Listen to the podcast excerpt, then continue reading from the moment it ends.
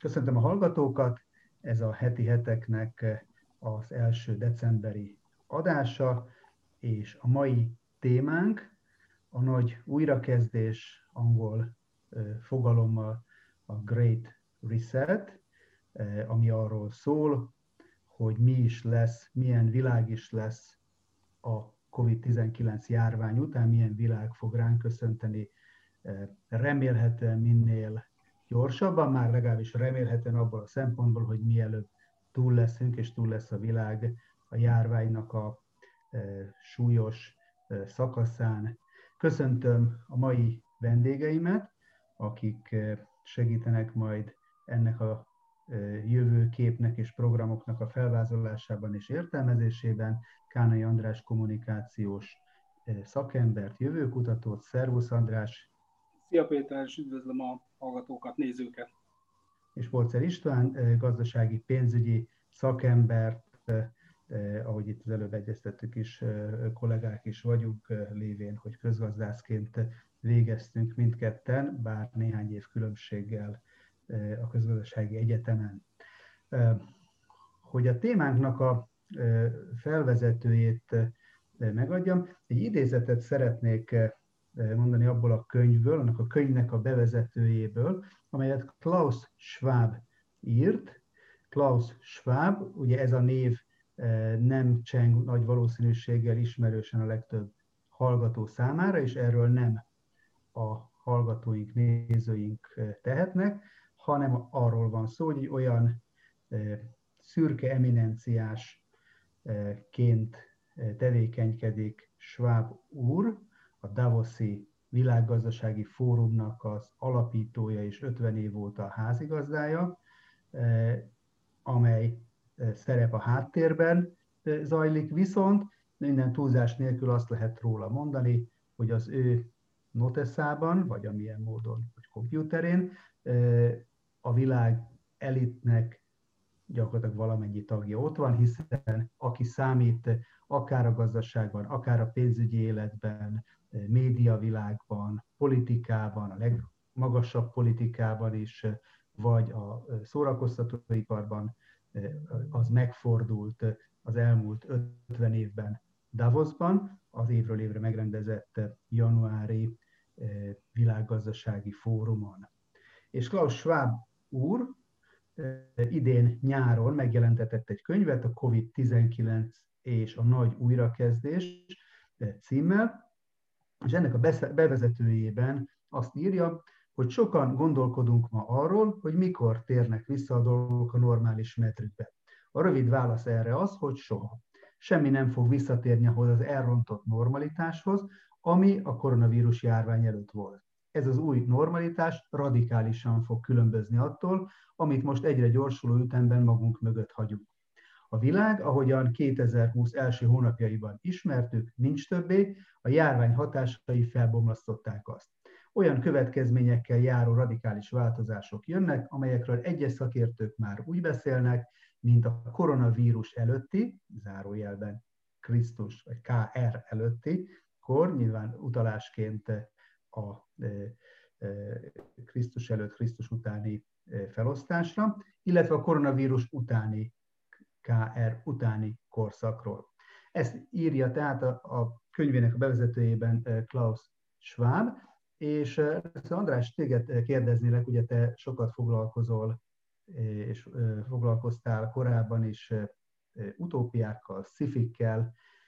Én amikor olvastam ennek a könyvnek a bevezetőjét, akkor, akkor olyan érzésem volt, mintha egy, egy ilyen disztópiát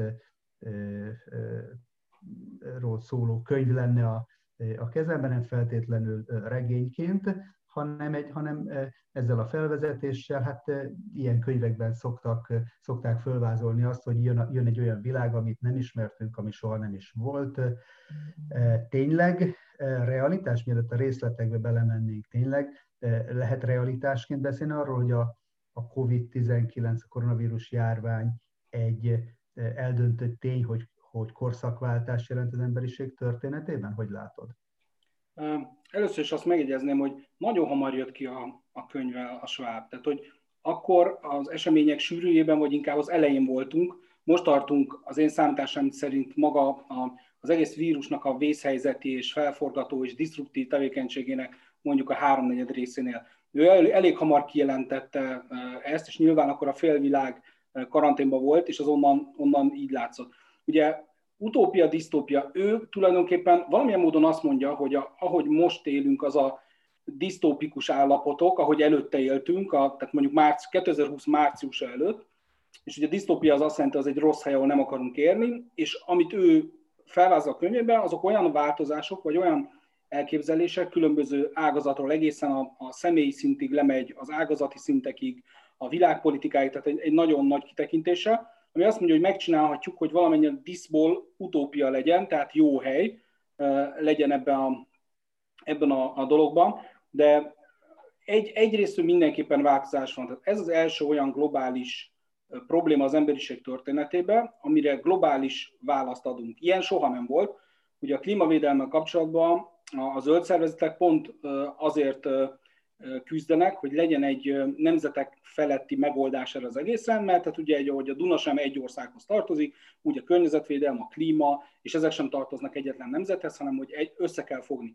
Ebben most két, két dolog is nagyon lát, csak két dologra hívunk fel a figyelmet, hogy ez az első ilyen, ahol tényleg globális választ adunk. Az egyik az, hogy a, a vakcinagyártás az is globális, tehát hogyha valaki arra gondol, hogy ugye most a, az első engedélyezett vakcina, most az oroszta számítsuk le, mert nincsenek, a kutatási adatokat nem tették transzparensé, tehát azt most vegyük úgy, hogy tudományos szempontból még nincs.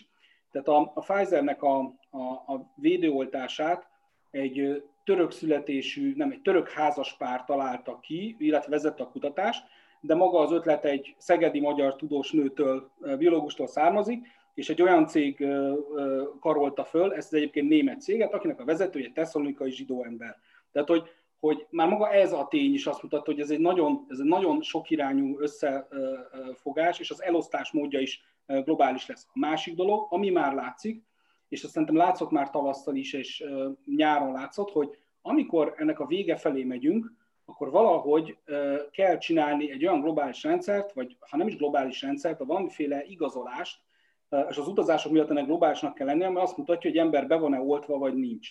Tehát, hogy egy ilyen következménye mindenképpen lesz, hogy lesz egy ilyen igazoló szelvény, vagy digitális megoldás, és ez mindenképpen változtat azon, ahogy a, a dolgokhoz hozzájárulunk. Azt gondolom viszont, leszámítva a cégek csődbe menetelét, a digitális világnak a felemelkedését, ami már egy létező trend volt, csak ráerősített, hogy azért nem fog annyira erősen változni a helyzet, mert az ember se változik. Tehát abban a pillanatban, amikor kijött az első hír, az egy vasárnap volt, hogy a, a Pfizernek a vakcinája ugye 94%-os hatásossága, hatékonysággal bír, akkor a, a tőzsdén nagyon furcsa dolgok történtek. Először is a Zoom részvényei estek vagy 15%-ot, tehát hogy rögtön azt áraszta a piac, hogy ha lesz vakcina, akkor az emberek kiszabadulnak otthonról, újra munkahelyekre mennek, és maga az, amit mi is most csinálunk, ez, ha meg is marad, nem lesz olyan jelentős, mint ahogy most, most éljük a napjainkat. A másik pedig az egyik luxus óceánjáró társaság, ami ilyen 96-97%-os veszteséget könyveltett el, annak a részvényei pedig emelkedtek. Nyilván nem érték el azt a szintet, de hogy ez azt mutatja, és most az utazási világban a foglalásoknak a, a mennyisége, hogy elkezdődött van visszaépülés, hogy mi emberek a, a, a tulajdonságunkat nem változtattuk meg ez alatt, tehát szórakozni szeretnénk, emberekkel találkozni, ugye ez nagyon kijött most, kulturális eseményekre járni, és egyáltalán ezt az elszigetelt és egymás képernyőn átnéző világot szeretnénk a hátunk mögött hagyni. Ez viszont azt jelenti, hogy ugyanaz a fogyasztási séma fog valószínűleg visszaállni egy, egy, egy idő múlva, ami előtte is volt. Nyilván, a, ahogy mondtam, a digitális világnak a, a, a, a nagyobb térhódítása az be fog épülni, ha máshogy nem, a munkahelyek már nem tehetik meg, hogy, hogy a távmunkát kihagyják az ajánlatból, tehát nem mutatja azt, hogy nálunk nincs ilyen, mert mindenkinél van ilyen. Tehát ilyen változások lesznek, de az emberi természetnek a, a kevésbé változása miatt gondolom azt, hogy nem lesz akkora változás, viszont egy jelzés lesz az egész arra, és ezzel kezdtem, hogy van globális probléma, amit globálisan meg lehet oldani, és ennek a következményei érdekesek. Isten, az lenne a kérdésem, hogy ugye a nagy újrakezdés programja azért alapvetően a, gazdasági tervekre épül. De mielőtt megnéznénk ennek a, a részleteit, próbáljunk egy valami fajta mérleget vonni arról. Ugye 8 hónapja tart nagyjából 8-9 hónapja a járvány, még előttünk áll jó néhány hónap. Összességében mekkora zavart okozott ez a világgazdaságban? Azért azt látjuk, hogy, hogy a dolgok alapvetően működnek, vannak ágazatok, amelyek érthetően nagyon megszenvedték, megszenvedik ezt az időszakot, de nem omlott össze a tőzs, de nem indult el, hiperinfláció, nem lettek éjséglázadások és, és, és hasonló, hogy er, ez azt jelenti, hogy azért a, a világgazdaság az, ha sebesülésekkel is, de, de túl átvészeli, kijelenthetjük ezt a mostani ismereteink alapján a válságot? Igen, valóban abszolút úgy tűnik, most azért elég optimisták az előrejelzések, legalábbis azt nézve, hogy említettétek korábban, hogy megvan a vakcina, ami ha nem is lesz okvetlenül mindenképpen egy csodaszer, de azért ez egy leküzdhető probléma. Ugye Schwab úr hasonlította ezt a második világháborúhoz, a második világháborús válsághoz, vagy mások is hasonlították, ugyanakkor nyilván itt azért ez egy nagyon divatos összehasonlítás, ugyanakkor azért nagyon különböznek. Tehát egyrészt a második világháborúban jó, jóval nagyobb volt az emberveszteség, különösen arányosan, populáció arányosan, másrészt pedig ott azért nem semmisült meg a fizikai infrastruktúra. Tehát most azért ez egy olyan járvány, ahogy, ahol gyakorlatilag az infrastruktúra érintetlen. Maximum annyi történt, hogy három hónapra ennek az infrastruktúrának egy jelentős részét kvázi mesterségesen leállították, és újraindítják. Nyilván ez egy elég komoly kabart okoz, zavart okoz a gazdaságban, de ez nem okvetlenül egy leküzdhetetlen probléma, különösen annak fényében nem, hogy, hogy van egy nagyon erős eltökéltség globális szinten, minden nagy gazdasági erőtér, nagyobb nemzet bejelentette, hogy itt óriási mentőcsomagok indulnak, indultak meg, és folyamatban vannak a jövőben is, tehát olyan óriási mennyiségű pénzeket nyomnak a piacra, ami, ami óhatatlanul egy, egy visszapattanást fog generálni. Na most, ha igazából egy, egy kezelhető helyzet van, és kezelhető állapot van, akkor, akkor indokolja szerintetek, hogy mind a kettőtökhöz szól ez a kérdés, de először is hoz, hogy, hogy a járványra hivatkozva egy ilyen nagy átrendezésre kerüljön sor, hogy a gazdaságban ugye azt látjuk, hogy azért a, ez a Davoszi program, ez a kapitalizmust is meg akarja reformálni, hirdet negyedik ipari forradalmat, gyökeres változásokat, és azt, azt hangsúlyozza, hogy ha, ha túl is leszünk a válság, a világ túl lesz a járványon, akkor sem térhetünk vissza azokhoz az elrontott módszerekhez és alapokhoz, amelyeket magunk mögött hagytunk. Tehát milyen megfontolások, hogyan értékelnéd te ezt a gazdasági újrarendezést? Ugye nem titok van, van, van akik ezt azért egyfajta ilyen neomarxista alapvetésnek is tekintik, ami újra az államnak a, az újraelosztó szerepét akarja előtérbe helyezni, amelyik klímavédelmi szempontokra hivatkozva le akar építeni ágazatokat, másokat előtérbe akar hozni. Tehát, hogy, hogy ez a járvány, ez, ez, ez, egy, ez egy ürügy is lehet ennek, ezeknek a egyébként már eltervezett radikális reformoknak a bevezetésére? Hogyha én kezdem, és akkor nyilván kapcsolódjatok Beti is. Nyilván Schwabról tudni kell, hogy ő már elég régóta ezt a fajta kapitalista rendszert kritizálja. Azt hiszem talán tőle származik az is, ez a mondás nem is olyan régen, hogy ilyen formájában a kapitalizmus egy pár éven belül halott lesz, vagy megváltozik, tehát a jelenlegi kapitalizmusnak ő már nem, ezzel már nem igazán számol. Én azt gondolom, hogy ami történt például a válság alatt, nem okvetlenül forradalmian új dolgok történtek, bár valóban van egy-kettő, amire, amire utaltatok is, nem inkább úgy tűnik, mintha sokkal inkább felgyorsítana bizonyos eseményeket, bizonyos vonalakat, amelyek már a válság előtt is benne voltak, akár például a gazdaságban, a globalizációval kapcsolatban, az együttgondolkodással kapcsolatban, akár a kapitalizmus problémái, az erre adandó válaszoknak a keresésével kapcsolatban, de most ennek ez egy, ez egy jó ürügyet is. Hát szerintem ezt ki kell mondani, hogy ez, ez a járvány ez mindenképpen egy ürügy. hogy sok mindent meg lehessen csinálni. Egy globális krízis, egy krízis az mindig, mindig egy új lehetőség is, és valóban úgy tűnik, hogy Schwab úr abszolút ezt, ezt akarja meglovagolni. Talán egy pár mondatot még arról a, a kapitalizmus jövőképéről. Azt hiszem, hogy talán valahogy úgy fogalmazott, hogy a jelenlegi gazdaságot, amit ő már, már, már elvetne, azt a, azt a shareholder kapitalizmushoz, vagy shareholder economyhoz, gazdasághoz hasonlítja, vagy annak nevezi, tehát ahol a tulajdonos ahol a tulajdonos körül forog a világ, hogy úgy mondjam, tehát ahol a tulajdonos érdekeit szolgálja a gazdaság. Ezt a shareholder-től kicserélni a stakeholder szóval, ez sem okvetően egy újdonság, tehát a stakeholder gazdaság, ami nagyjából úgy lehetne talán lefordítani, hogy a, az érintetteknek a gazdasága, a közösségeknek a gazdasága, tehát mindenki, aki valamilyen formában érintett a gazdaság cégnek a tevékenysége kapcsán, tehát nyilvánvalóan nem csak a tulajdonosok, hanem a munkavállalók is, akár a környezet, akár az a város, akár az infrastruktúra, akár a politika, akár a civil társadalom, akár a civil szervezetek. Ezek mind valamilyen módon integrálódjanak ebben az új gazdasági rendszerben. És ez valóban, ahogy, ahogy említetted, Péter, egyetértek, hogy azért ez tipikusan ilyen formában a szocializmus, illetve a kommunizmus rendszerében valósul meg, akár elméletben, akár gyakorlatban. András, és te hogy látod, hogy akkor a kommunizmus kísértete járja be most már nem is csak Európát, hanem, hanem a világot egy új, újfajta modernizált digitális formában? Tehát ez e felé vezet a, a COVID járvány utáni útvonal?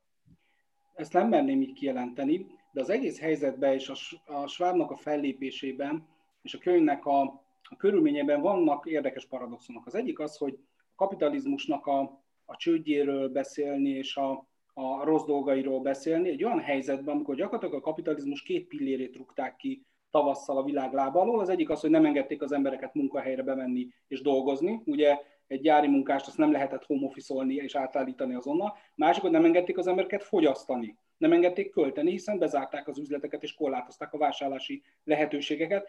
Ráadásul a cégek nem voltak arra fölkészülve, hogy mindenkinek egységesen digitalizált felülete legyen, ahol rendelni lehet, és az ehhez, ehhez kapcsolódó logisztikát, kiszállítást elintézni. Hát szóval ez egy nagyon, nagyon gyors váltás volt, de ez igazából a helyzetet mutatta, hogy a helyzetre hogyan reagálnak. A másik paradoxon az, hogy igazából, hogy mondtam, és a Schwabnál is ez megjelenik, hogy egyfajta nemzetek feletti megoldást szeretne, és ez érthető, hiszen bár tényleg a második világháború ez tényleg így van, hogy minden szempontból sokkal nagyobb károkat okozott, és minden szempontból így nem is lehet hasonlítani, viszont kevesebb országot érintett. Sokkal kevesebb országot érintett. Ez gyakorlatilag ez mindenhova, ahova csak turisták mentek, ami csak nem volt elzárva, még észak is valószínűleg eljutott. Tehát, hogy, hogy ez mindenütt, mindenütt jelenlévő dolog, és ezért gondolja az, de viszont ha belegondolunk, a megoldások, azok meg mind nemzetállami keretek között voltak. Tehát pont, pont ez a vészhelyzet mutatta meg. Itt vagyunk, beszélgetünk december elején. A Magyarországon a március 9-i héten küldték haza az embereket. Nagyjából megegyezik egy-két hét, három hét eltérése az európai helyzet. Tehát, és mi élünk egy Nobel békedíjas rendszerben, amit Európai Uniónak hívunk.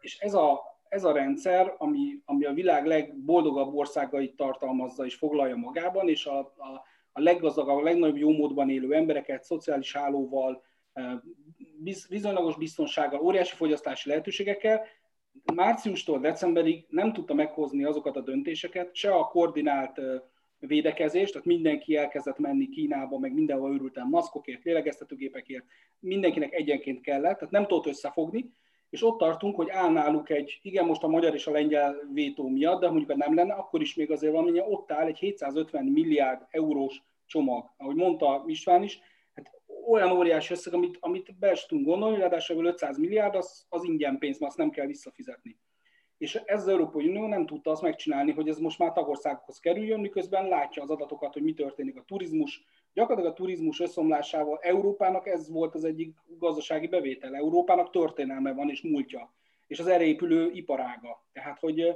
és ezt nem volt képes megcsinálni, hogy ezt kisegítenem, minden országnak a saját zsebébe kellett nyúlnia. És ez, ez érdekes, hogy a, a, a Schwab pedig azt mondja, hogy akkor most mindenki gondolja ezt át, és, és nagy váltás legyen, és nagy újrakezdés, de nem nemzetállami, hanem hanem globális szinten. Szóval, hogy, hogy ez, ez benne van, és ugyanakkor igen, ez a helyzet pedig nyilván sok embert elgondolkodtat, hogy, hogy hogyan lehetne azokat a dolgokat kicsit megjavítani, vagy radikálisan megjavítani, amelyek szerintem nem működtek. És itt vegyük figyelembe azt, hogy egyrészt az emberek hozzáférnek már az adatokhoz. Tehát most nem, a, nem arról van már csak szó, hogy, hogy egy elit látja a gazdasági adatokat, aki például előfizet a statista.com oldalra, az a világ összes statisztikáját elég jól megkapja. Tehát az emberek látják például azt, hogy egyenlőtlenség van, hogy az olló kinyílt a nagyon gazdagok és a középosztály, vagy a még szegényebbek között. Általános jelenség, egyik országban kicsit jobban, másik országban kicsit kevesebb módon, és ne felejtjük el, hogy nyakunkba kaptuk az amerikai elnökválasztási kampányt, ami, amihez hasonló nem volt még, még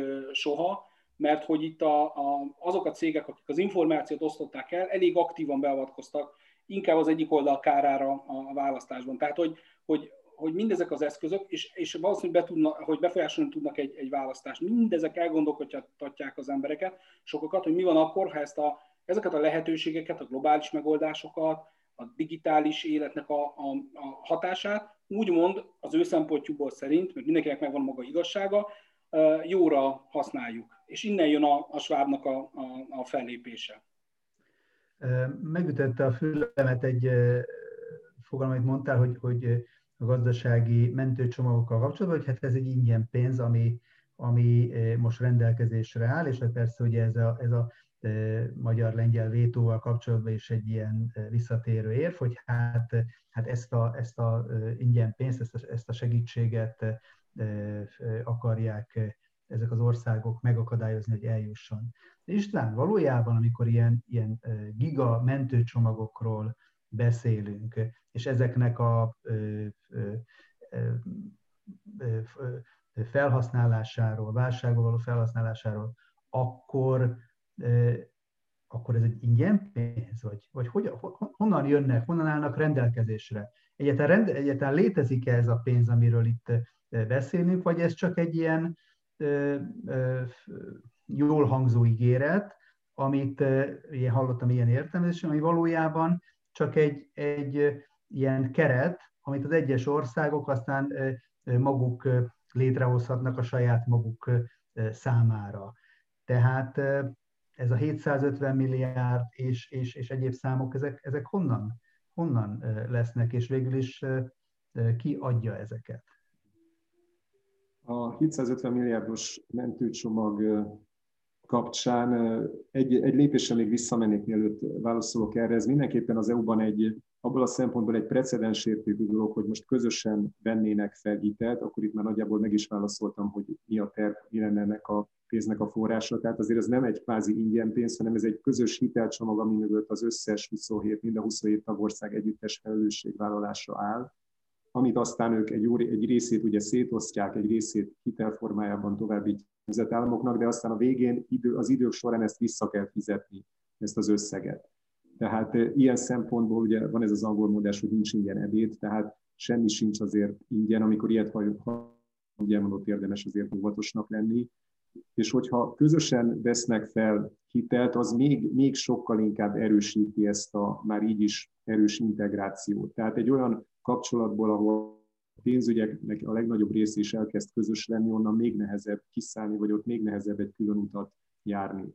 Tehát ilyen szempontból az EU is úgy tűnik, hogy egy sokkal inkább egy erősebb központi irányba szeretne menni. Ez ugye a Schwab úr irányvonalával is valamelyest szinkronban van, csak ugye nem csak Európában gondolkodik, hanem az egész világban, hogy itt most már az egész világnak kell egy irányba mennie. De visszatérve ezeket a pénzek, ezek adósságok, tehát ezek majdani jövőbeni fogyasztásokból kell ezeket a pénzeket valamilyen módon azokat kell csökkenteni, és azok, azokból kell majd ezt visszafizetni. Vagy nyilván vannak ilyen egyéb koncepciók is, de lehet, hogy ebben most inkább nem mennék bele az egyszerűség kedvéért.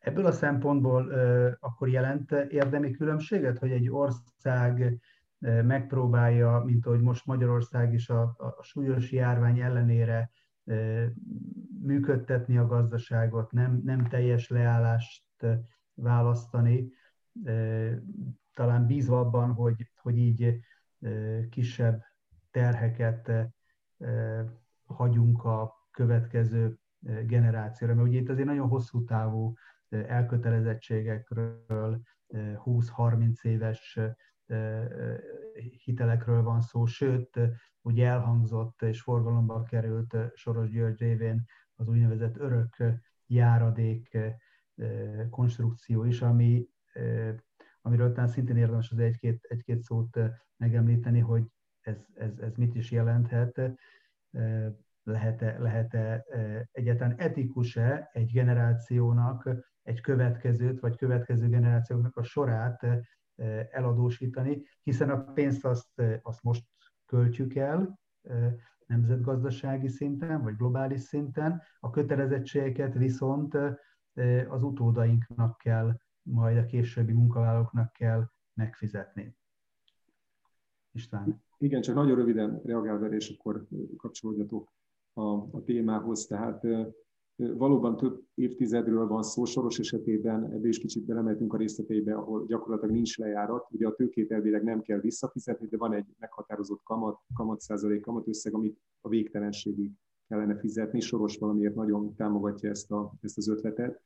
Visszatérve szerintem azért ez egy, ugye Trumpot meg, meg Orbán szokták ilyen populista vezetőként beállítani, szerintem ez egy nagyon intelligens populizmus. Tehát amikor ilyen összegű pénzeket nyomunk a gazdaságba azzal, hogy most ebből éljetek jól, és majd ne, ne aggódjunk, vagy majd 10-20-30 év múlva aggódjunk, hogy ez hogy lesz visszafizetve, vagy vissza lesz egyáltalán fizetve. Azt gondolom, hogy ez egy nagyon erős gazdasági populizmus, ami ugyanakkor működik, hiszen hogyha a tömegeknek felajánljuk, felajánljuk hogy most fogyaszthatok, most megoldjuk ezt a válságot, hogy ez egy sokkal elhúzódóbb, sokkal problematikusabb dolog lesz, ahol tényleg meg kell szorítani a nadrágszíjat még akár éveken keresztül, akkor nyilvánvalóan a szavazó közösség, a tömeg nagy része valószínűleg azt fogja választani, hogy én inkább szeretném azért most jól érezni magam, ha lehet. Ráadásul az Európai Uniónak az az ígérete az összes többi hatalomhoz képest, hogy itt élhetsz a legjobban. Tehát amikor az amerikai sajtóban arról olvasok cikkeket, hogy bezzeg milyen jó németnek lenni, franciának, spanyolnak, mert az állam mennyi mindennel kisegít téged, mennyivel kevesebb a munkaidő, mint egy amerikainak, akinek kevesebb szabadsága van, nincs olyan szociális védőháló, és arra gondolok, hogy az érdekes jelenség ez, annyit kiegészítésnek teszek, hogy a 750-ből ugye én arra értettem az ingyen pénzt, hogy az 500 milliárdot úgy osztják szét, hogy azt nem kell elméletileg a tagországnak visszafizetni. Természetesen tényleg nincs ö, ö, ingyen ebéd. Egyébként ez egy Heinlein nevű amerikai science fiction írótól származik, nagyon szeretem ezt a kifejezést, ő nagy libertiánus volt, és ezért alkotta meg ezt a kifejezést és föltalálta a vízágyat is, de ez mellékes. Szóval, hogy, hogy ráadásul azt a, azt a generációt fogja ez nagyon érinteni, aki azt látja, hogy hát rosszabbul él, tényleg nem, hogy négy éve él rosszabbul, hanem a generációk, ahogy mennek, egyre kevesebb vagyon tud felhalmozni. Ugye most az Z-generációnál tartunk, az alfa az még gyerek, tehát az Z-generációsokra ez érvényes, és az, az ő idejükben a, a nagyszülei, a boomerek és az előtti generáció sokkal gazdagabb volt. Ugye ez egy amerikai megfigyelés benne, de nagy valószínűséggel ez igaz lesz, igaz lesz Európára is valamilyen szinten, elég, ha csak a lakásárakat nézzük. A, a másik az, hogy egy olyan gazdaság felé megyünk, ahol a tulajdon veszít a, abból a megszokott kapitalista felfogásból, hogy ami az enyém, az az enyém. Tehát van, van magántárgy, és a magánélet, ez a magántárgyak, magánszolgáltatások, amiért fizettem, és enyém odaadjuk. Ugye nem csak a, nem csak a Netflix-el és ezek a fajta digitális szolgáltatásokkal, hanem egyre több mindennel megy át a részletfizetési, előfizetési struktúrát. Tehát azt jelenti, hogy valaminek nem vagy a birtokosa, hanem havi jogot vásárolsz meg arra, hogy használd. Ez kezdődött a szoftvereknél, a, ugye a filmnézésnél, de egyre több minden e felé megy, ami azt jelenti, hogy ha ez a trend így folytatódik, akkor a jövő generációnak nem lesz így vagyona, ahogy, ahogy most vagyon van. Tehát, hogy nem lesz olyan, hogyha költözni akar, akkor a batyujába berak tárgyakat, nyilván digitalizáció miatt is van ez így, és ha rájuk tesszük még azt, hogy az ő idejükbe, és mondjuk a, az ő 50-es éveikre vissza kell fizetnie rengeteg pénzt, akkor tényleg, tényleg ez, ez nagyon durva jövőképet vetít elő. Most mit jelenthet az, pont Schwabnak is van egy, Klaus Schwabnak is van egy ilyen mondása, elsőre olyan furának tűnik. Ő azt mondta, hogy, két, az, hogy 2050-re nem lesz semmit, már semmi magántulajdonot, és boldog leszel. Tehát, hogy ez, ez, ez milyen világot jelentene ez akkor, akkor a, a lakásunktól, az autónkon át, a, a telefonunkig minden ilyen Netflix előfizetéses modellben fog működni? Igen, igen, a, ez, ez, a, ez, a, ez a trend látszik. Ez elkezdődött azzal, amikor 96-ban nagyon fura dologot mondok, feltalálták ugye németek találták föl, talán német, német ember, az MP3-at, az egy 96-os találmány. Mit csinált az MP3? Azt csinálta, hogy egy olyan dolog, ami tárgyhoz kapcsolódott, és akinek lemezjátszója volt, tudja, és ezért is van kicsit részben reneszánsz a, a lemezjátszóknak és a bakelitnek, hogy mit jelentett az, hogy van egy ekkora nagy dolgod, amin zene van, amihez tartozik kép, minden, stb. Egy tárgyad van, amit bármikor elővehetsz. És az MP3 az azt csinálta, hogy, hogy nem kell, hogy tárgyad legyen, lemondasz egy minőségről, mert az MP3 egy tömörített fájl, tehát minőségromlásra jár, de, de nagyon sok minden lehet abból. Olyan jövő felé mehetünk, és pont tegnap néztem, hogy kétféle disztópia van igazából az irodalomban, kétféle. És mind, mindegyik valamelyik módon ezekhez viszonyul. Az egyik a, az Orwelli, ami egy Zamjatin nevű orosz-szovjet írónak a regényére épül, a Micin regényének a nem tovább gondolása, de mondjuk annak ihletése nyomán épült, vagyis az elnyomó állam, ahol a polgárok nagyon-nagyon szegények, ráadásul, tehát klasszikus kommunizmus, Észak-Korea, stb. A másik disztópikus kép viszont, és azt szerintem napjainkban sokkal érdekesebb, a Huxley szép új világa, ugye a 30-as évek elejéről, ami pedig azt mondja, hogy hát azért nem törődik a hatalom azzal, hogy információt vegyen el, hogy könyveket tiltson be, mert az embereket nem érdekli többé. Annyi információ megy rájuk, olyan szórakoztató módon élhetnek, annyi szórakozási forma van, hogy nem érdeklik ezek a kérdések.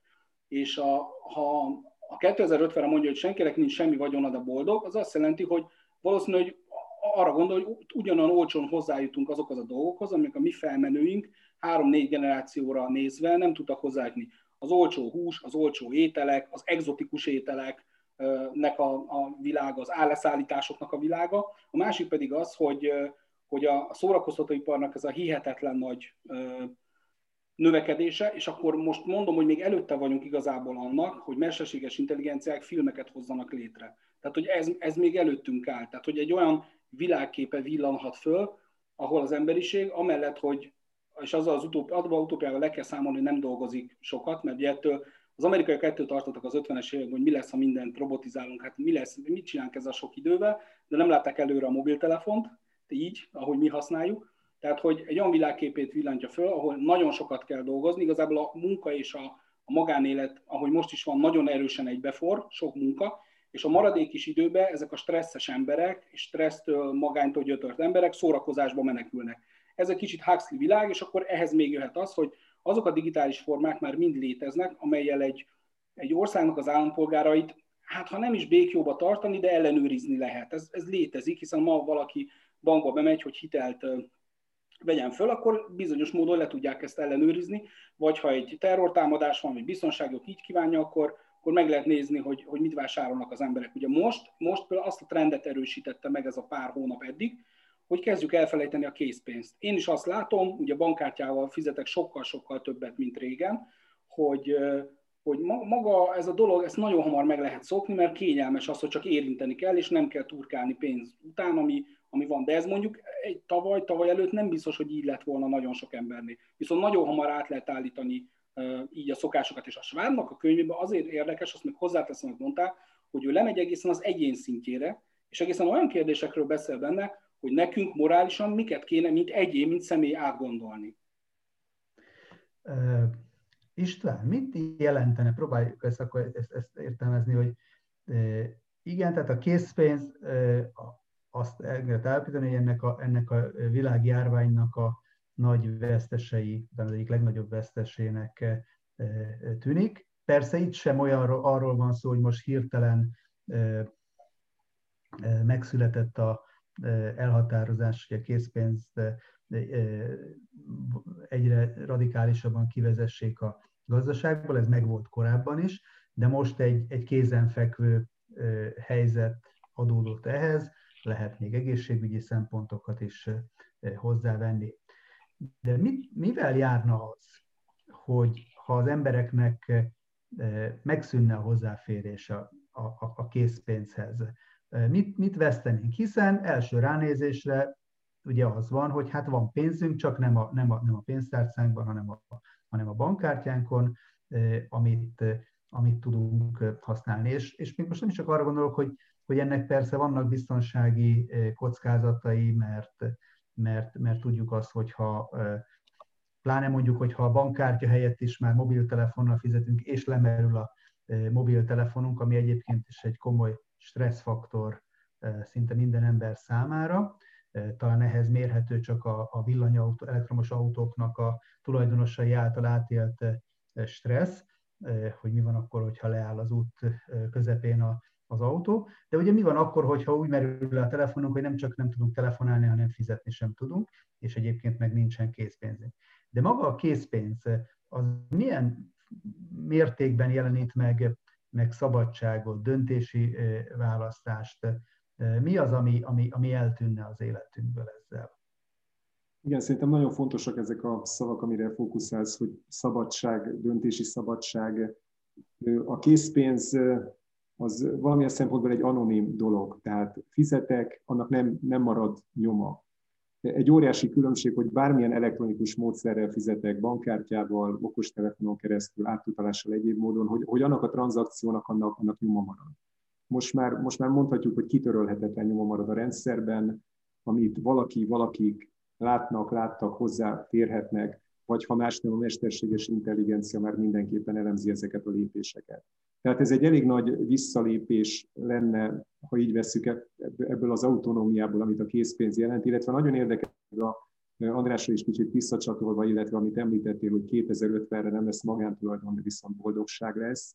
Tehát ez mindenképpen egy olyan rendszert igényel gazdasági, de nem okvetlenül csak gazdasági szempontból, ami, ami ezt garantálni tudja. És mit tudná ezt garantálni? Ehhez, ehhez egy olyan szintű kontroll kell, és ráadásul ez már amennyire globalizálódik a világ, ez azt jelenti, hogy ehhez valamilyen globális kontroll kell, hogy ezt garantálni tudja nekem egy olyan globális erő, ami garantálja nekem, hogy ha nem is lesz magántulajdonom, én mégis hozzá fogok azokhoz jutni, azokhoz a Spotify zenékhez, vagy ahhoz a, a taxihoz, vagy ahhoz a, ahhoz a lakáshoz, ahol nekem élnem kell, bérle, bérleményként, vagy egyéb ilyen olyan közösségi formában. De viszont ezt jelenleg, a jelenlegi rendszer valóban nem, nem garantálja nekem, hiszen nem is erre épül.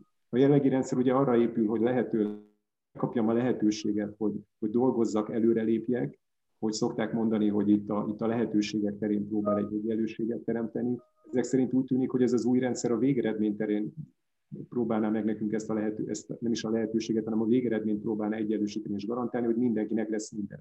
Ami megint csak visszacsatolva nagyon a szocializmus koncepciójára emlékeztet, bár valóban ettől a szótól nagyon óckodnak jelenleg nagyon a vége felé járunk. Isten, csak egy, egy rövid reakciót arra, hogy szerinted mi fog előbb megvalósulni? Egy globális készpénz nélküli gazdasági rendszer, vagy egy egységes világpénz? Melyik, melyik vagy, vagy, vagy egyszerre mind a kettő? Mi, mi az, amit ebben látsz lehetőséget? Hát igen, nagyon jó kérdés. Azt gondolom, hogy ugye itt, itt mind a kettő jelenleg úgy párhuzamosan épül vagy, vagy fut. Tehát a, ahogy említettétek, eh, valóban a Covid az egy extra lendületet adott a készpénz eltűnésének szinte minden társadalomban, szinte minden relációban. Hogy a globális, hogy mi lenne itt, eh, ez egy jó kérdés. Most csak egy, egy érdekes analógia, hogy globális nyelvként most úgy tűnik, hogy az angol tűnik jelenleg befutónak, mert persze nyilván ezzel most Ázsiát egy kicsit eh, félre raktam Kérdés, hogy, hogy lesz-e szükség egy új pénzre, tehát akár elképzelhető, a jelenlegi pénzekből is valaki felemelkedhetne, de, de ugyanúgy, ahogy Schwab úr egy újat szeretne, elképzelhető, hogy lesz majd egy új globális világpénz. Hogy melyik történne meg előbb, azt, azt mondanám, hogy szerintem bármelyik, akár egy, egyszerre is befuthat ez a két történet. Illetve én, ja, bocsánat. Megadom a végszót.